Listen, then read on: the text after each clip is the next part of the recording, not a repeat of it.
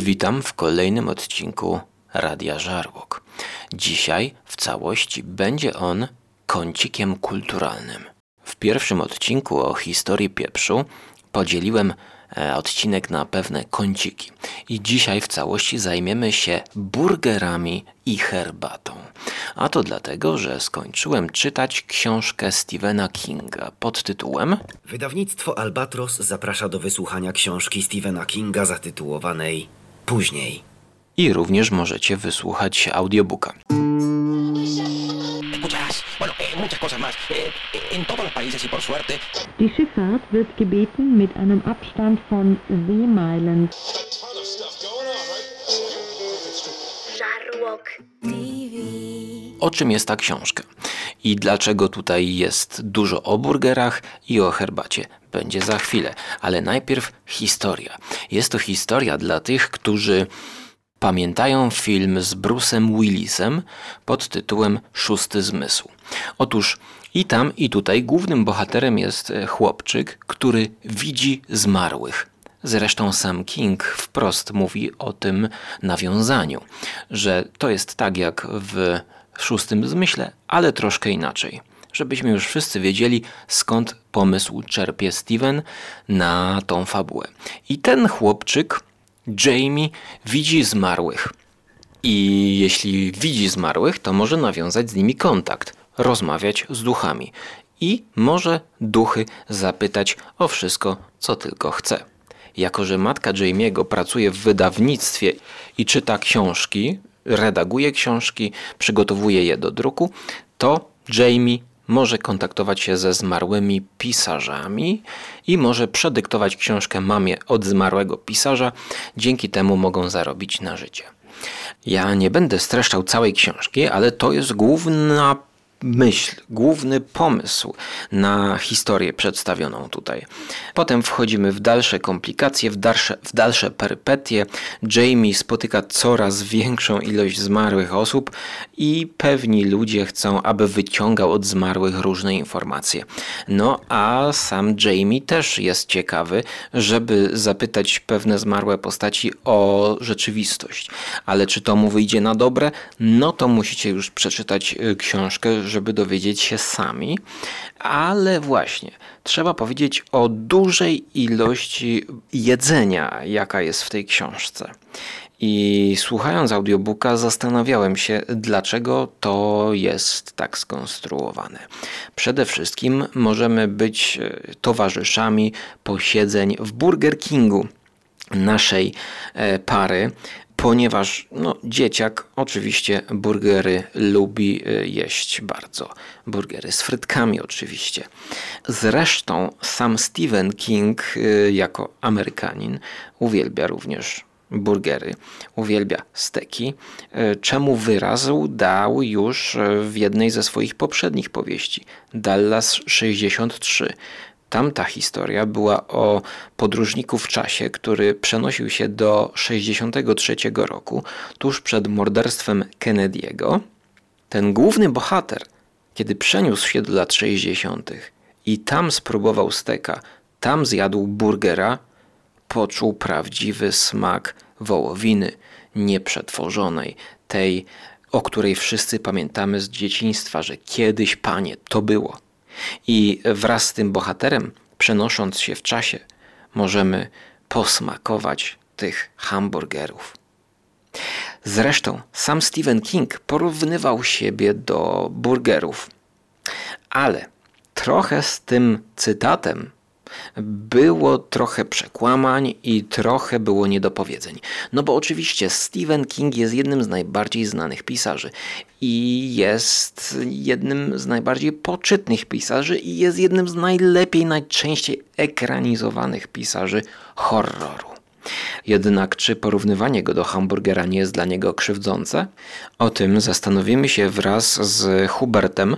E, Hubertem, który prowadzi podcast Radio Stephen King, gdzie opowiada właśnie o Stephenie Kingu. E, Hubert jest fanem Stephena Kinga o wiele większym niż ja. Przeczytał wszystkie książki, niektóre kilkukrotnie. E, Obejrzał najprawdopodobniej wszystkie ekranizacje Stephena Kinga i właśnie poprosiłem jego, aby zrobił research na temat tego, jak to było z tym porównywaniem Stephena Kinga do burgerów i za chwilę Hubert nam opowie, e, jak to było z tym e, burgerem Stephenem Kingiem. Czy Stephen King jest burgerem, czy może jakiś inny sens stał za tą wypowiedzią?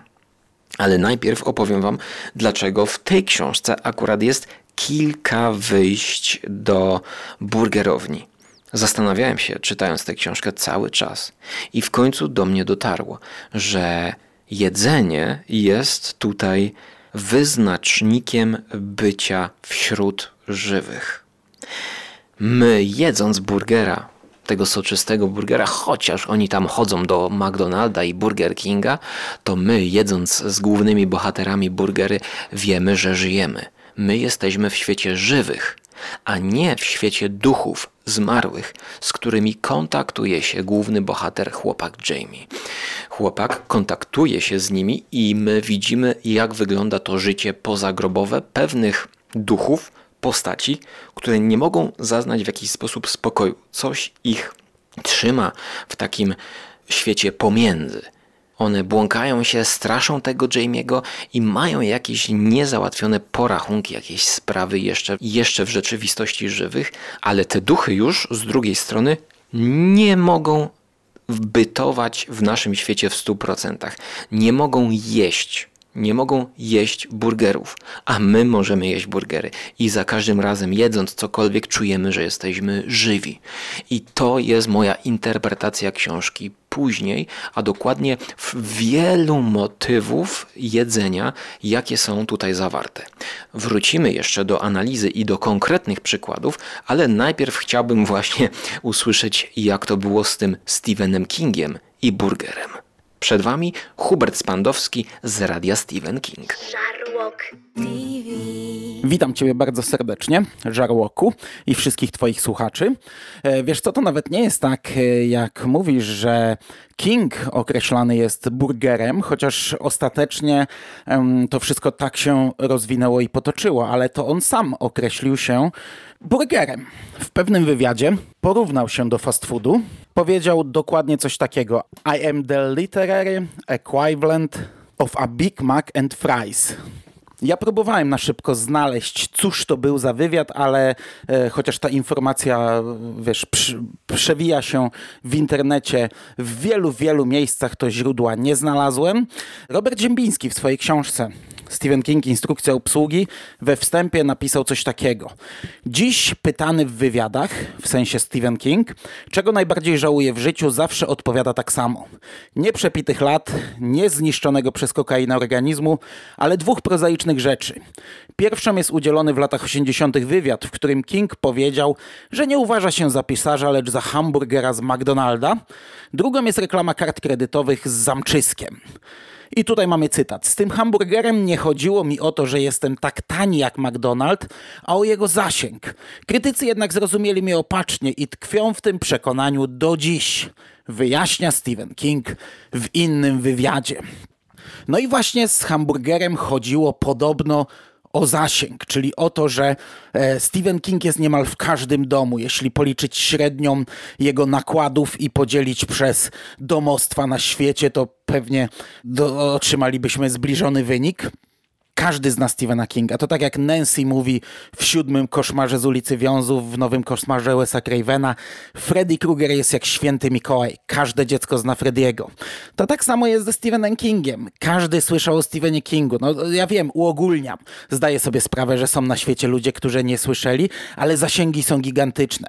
I w ten sposób on porównał się do Big Maca i do frytek, że jestem pisarskim odpowiednikiem fast foodu, a no, Stephen King jako młody człowiek, umówmy się, nieraz palnął coś i nieraz podjął decyzję, e, z którą potem walczył przez lata czy dekady. Wystarczy przypomnieć sobie wstęp do miasteczka Salem, gdzie jego wydawca wyłożył mu dokładnie, co się stanie, jeśli wyda jako drugą tę książkę, a co się stanie, jeśli wyda jako drugą tę książkę. I Jedną z nich było właśnie miasteczko Salem, natomiast konsekwencje, które w tym momencie e, wyłożył mu wydawca, były takie: przykleją ci łatkę pisarza horroru. King zaśmiał się, powiedział, że to nie problem, wydajmy. Drugie przyjście, to wtedy taki tytuł miało, a potem przez następne ileś, ileś dekad walczył z tą łatką, próbował ją odkleić, oderwać, e, co zresztą nie wychodziło mu najlepiej, bo sam zrzucał sobie kłody pod nogi, tak jak we wspomnianym tutaj cytacie z Ziembińskiego, reklama kart kredytowych American Express, gdzie Stephen King kroczy przez zamczysko we mgle, e, ubrany jest w jakiś stary garnitur, idzie ze świecą i po prostu scena e, wycięta niczym z horrorów Edgara Alana Poe. Czyli sam, pomimo tego, że próbował oderwać tę łatkę, to bywało, że sobie ją skutecznie, bardzo skutecznie jeszcze doklejał. No i ja rozumiem to jego porównanie e, do e, Big Maca, do mm, fast foodu, ale z drugiej strony King gdzie tylko mógł przez wiele, wiele lat w każdym wywiadzie, w artykułach, gdzie tylko dano mu dojść do głosu, e, bardzo krytykował krytyków właśnie.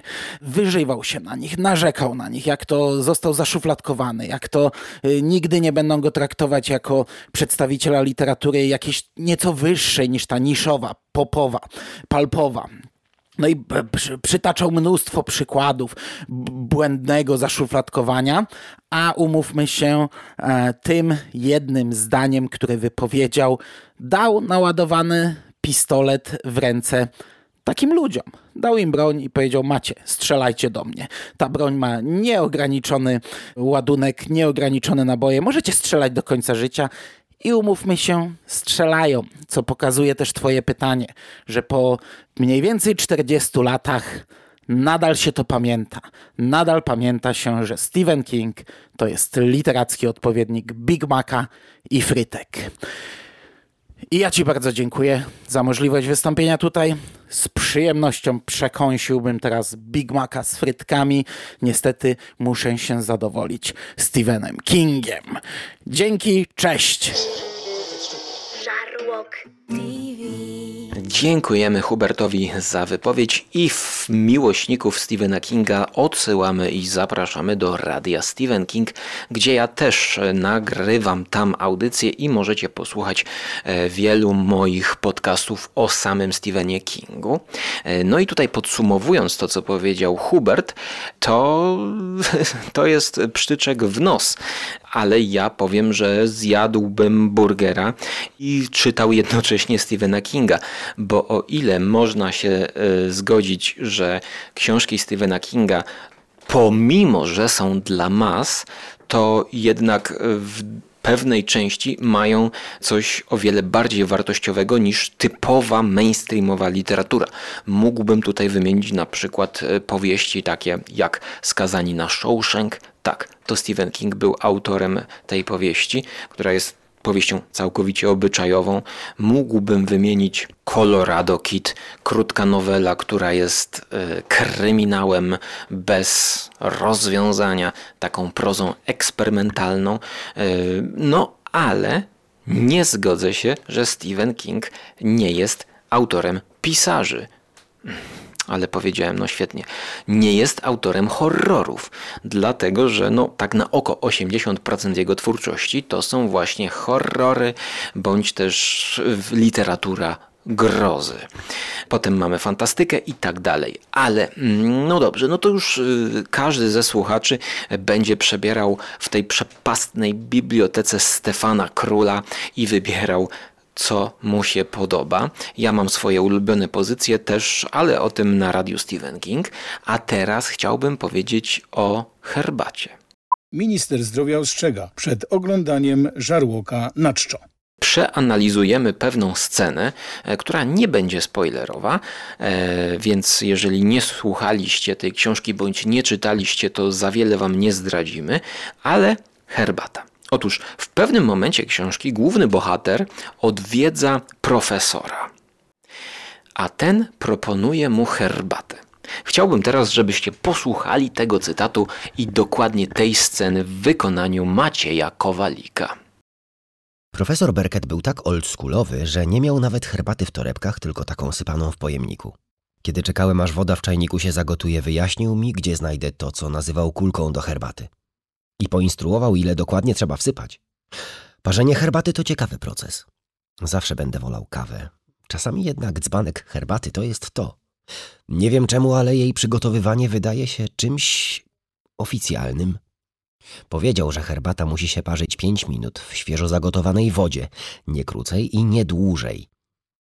Nastawił minutnik, pokazał, gdzie są filiżanki i pokuśtykał do salonu. Usłyszałem westchnienie ulgi, kiedy usiadł w swoim ulubionym fotelu. Oraz pierdnięcie. Nie takie jak ryk trąby, bardziej jak dźwięk oboju. Może tutaj zrobimy przerwę. Powiem, że zastanawiałem się, czy czasem tego nie wyciąć, nie ocenzurować, e, ponieważ jeszcze chyba nigdy herbata w takim kontekście, kontekście takiego żartu e, w swojej historii nie była zaznaczona.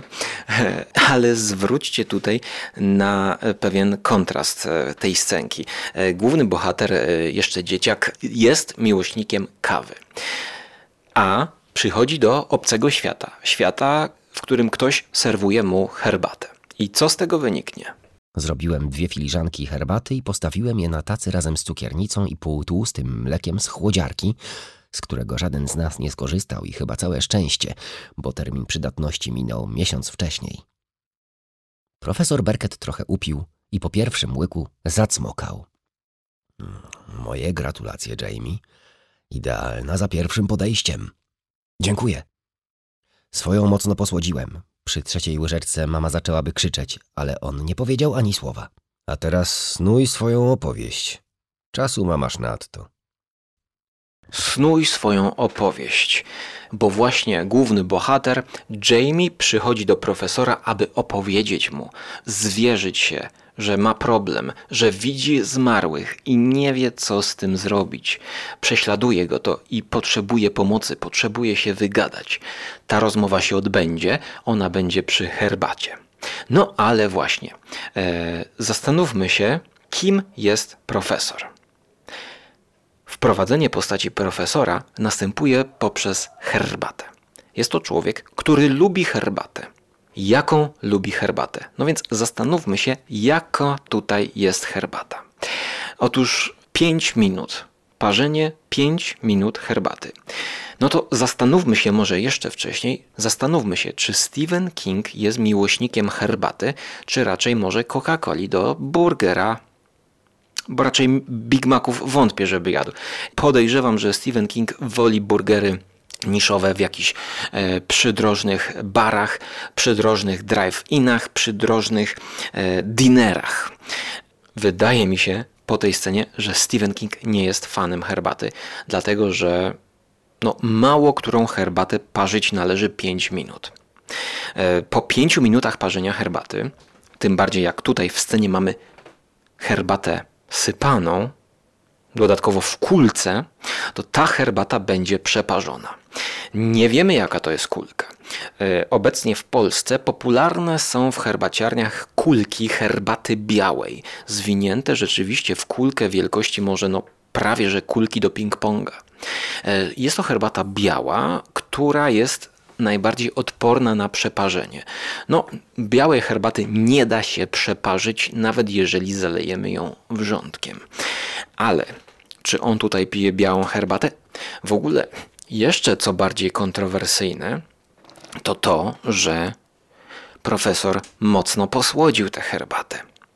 No to już w ogóle zaprzecza wszelkim wyznacznikom prawdziwego herbaciarza, który dodatkowo jeszcze by z jednej strony miał słodzić herbatę i prawić morały młodzikowi, jak należy parzyć herbatę, którą on sobie posłodzi. No, jeżeli użyjemy cukru do herbaty, no to będzie to herbata słodzona i raczej ten cukier przykryje wszelkie inne e, posmaki i barwy. Więc ja mm, domniemam, że jest tutaj po prostu czarna jakościowa, lepsza herbata do sypania, którą no, można posłodzić i, i najbardziej cukier, jeżeli ma grać z jakąś herbatą, to najlepiej pasuje do czarnej właśnie herbaty. I teraz stop, bo jeszcze jest jedna kwestia w dygresji tutaj potrzebna do poruszenia, gdyż e, nasz profesor mógł parzyć herbatę po prostu tak, jak lubi. Bo jedna rzecz to zasady i pewien paradygmat parzenia herbaty, którego powinniśmy przestrzegać z różnych powodów, ale drugi to taki, który przedstawi Wam Murat Kornaawem. I tutaj chciałem zacytować Wam bezpośrednio fragment audycji Przystanek kulinarny, który prowadzony jest w Radio Kraków przez Maję Dudkiewicz. To będzie fragment wywiadu rozmowy z herbaciarzem. Z pochodzenia Murat jest y, z Ukrainy. Jest on wielkim znawcą e, herbaty, prowadzi swój sklep. W całości tą audycję możecie wysłuchać na stronie radiokraków.pl pod nazwą Przystanek kulinarny z filiżanką herbaty. Ja tutaj zacytuję wam fragment, w którym on mówi właśnie jak można również parzyć herbaty. Zawsze diabeł tkwi w szczegółach, e, więc pewnie sposób parzenia też jest ważny. Temperatura wody jest ważna, jakość liści. Jak radziłbyś parzyć taką właśnie jesienno-zimową herbatę? Trzy parametry wpływają na smak e, naparu, który znajdzie się w naszej filiżance, czarce czy e, kubku. Ilość herbaty, czas parzenia i temperatura wody. Bawiąc się z tymi parametrami, możemy dojść do takiego sposobu parzenia, że będziemy otrzymywać napar, który będzie nam smakować. I dla mnie e, nie ma innego wyznacznika, czy ta herbata zaparzona dobrze, czy źle, niż to, że ona nam e, smakuje. Więc polecam po prostu troszeczkę uważniej przyjrzeć się temu, co robimy podczas parzenia, zwracając uwagę chociażby na te trzy rzeczy i analizując, czy ta herbata jest za mocna, za słaba, czy zbyt gorzka, czy odwrotnie słodkawa, dobrać ten sposób parzenia, który będzie przede wszystkim odpowiadał e, naszym e, gustom. Ale wrzątkiem nie zalewamy. To zależy, jaką herbatę. A którą wrzątkiem? Wrzątkiem e, spokojnie e, herbaty czarne, herbaty typu puer, które w Polsce czasami nazywają czerwone herbaty, chociaż tu pewnie dla wielu słuchaczy już dawno to nie jest tajemnicą, że czerwone herbaty to są akurat w Chinach te herbaty, które my nazywamy czarnymi, a te herbaty, które my nazywamy czerwonymi, to nie są herbaty e, w Chinach nazywane czerwonymi, tylko ciemnymi. No w każdym razie te herbaty typu puer, również wrzątkiem i tak naprawdę bardzo wiele herbat e, nie boi się gorącej wody. Czasami wystarczy po prostu ten wrzątek nalać do jakiegoś tak zwanego pośredniego naczynia i od razu zalewać już e, liść i parzyć. Więc nasz profesor z książki zwrócił uwagę na te rzeczy. Jeszcze jeden możliwy wariant jest taki, że on, mając już swoje lata, doszedł do tego, że najbardziej smakuje mu herbata właśnie parzona 5 minut, czyli najprawdopodobniej przeparzona herbata i posłodzona.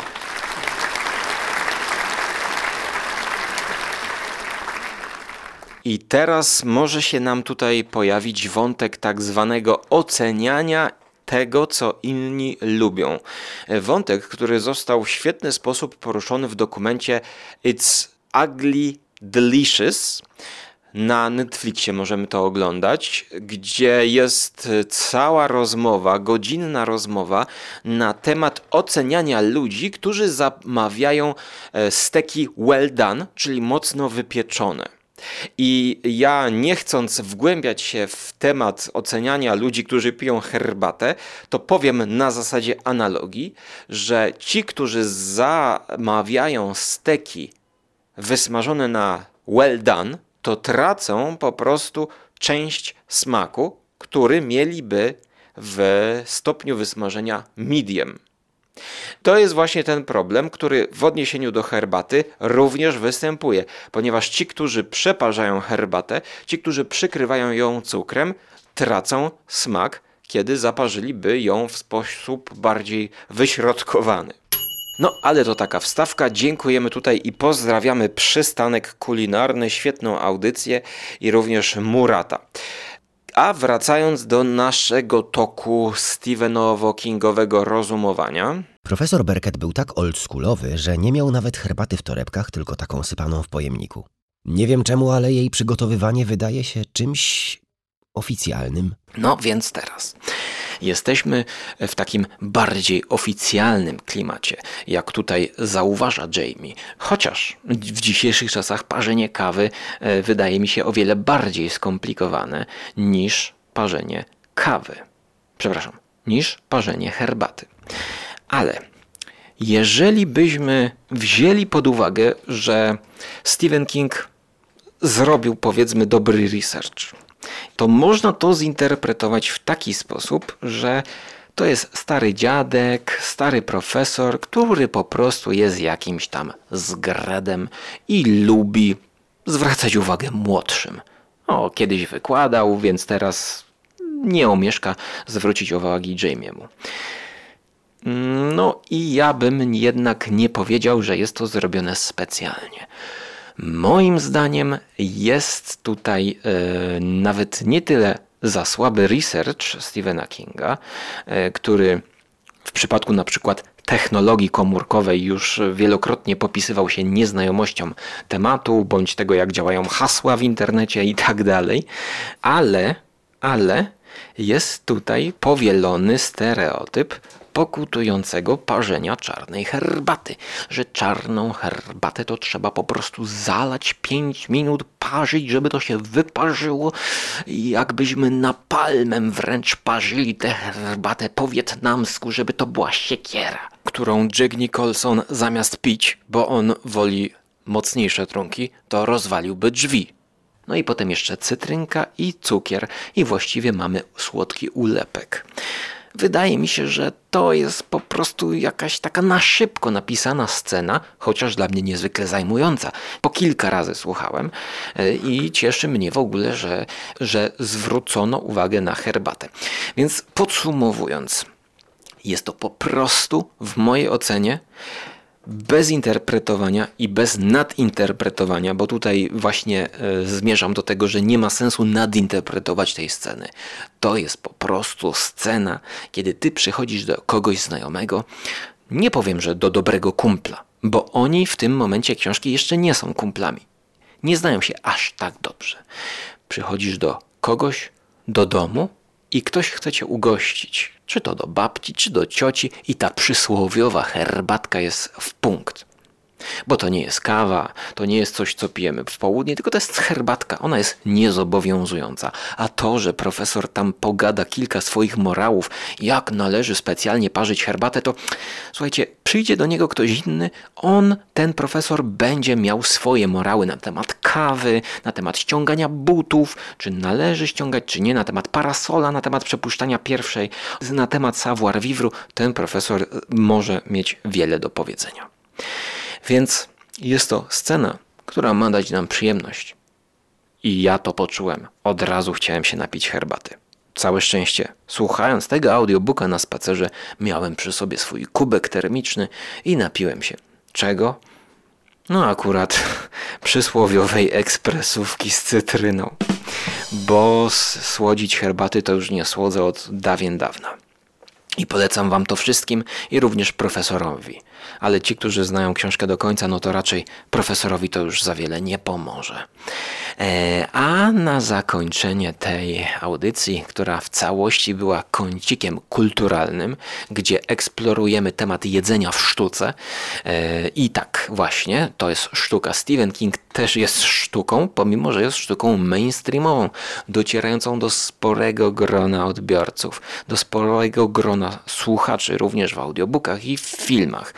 Jeżeli będą jakieś kolejne nawiązania w innych książkach do jedzenia, to obiecuję, że pojawi się tutaj ten poczytny pisarz w kąciku kulturalnym i będziemy Wam donosić, jak jedzenie zostało użyte w kontekście strachów i horroru. Jak widać, herbatka może być takim miłym przystankiem w świecie, gdzie za każdym rogiem na głównego bohatera czyhają duchy. I pomimo, że on oswaja się z tą swoją zdolnością widzenia duchów i kontaktowania się z nimi, no to za każdym razem jest to dla niego ciężar i musi to potem przeżywać w nocy koszmarami. To odbija się na jego zdrowiu psychicznym. I Stephen King również zwraca uwagę na ten aspekt, mm, właśnie obyczajowy, gdyż u Stephena Kinga wielokrotnie obyczajowość jest tym, co podkręca horror. Kiedy my zrozumiemy bohaterów, to bardziej będziemy się bać jeżeli będziemy czuć, będziemy rozumieć motywację bohaterów, to również jeżeli pojawi się element nadnaturalny w tej powieści, która jest tutaj ewidentnym horrorem, to stopień imersji wejścia w strukturę powieści, zrozumienia tego będzie coraz większy i, i, i dogłębny. Chociaż muszę powiedzieć, że jest to dosyć krótka powieść jak na Stephena Kinga. To jest około 300 stron, które jest napompowane w, w polskim wydaniu, a audiobook to 6 godzin.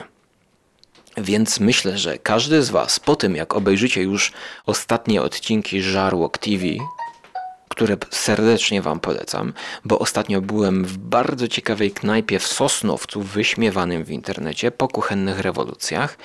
I tam nagrałem recenzję.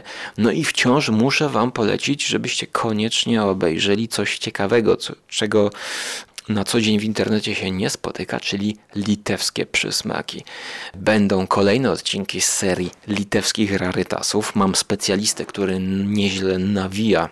Niektórzy piszą, że niczym Makłowicz o litewskich smakach.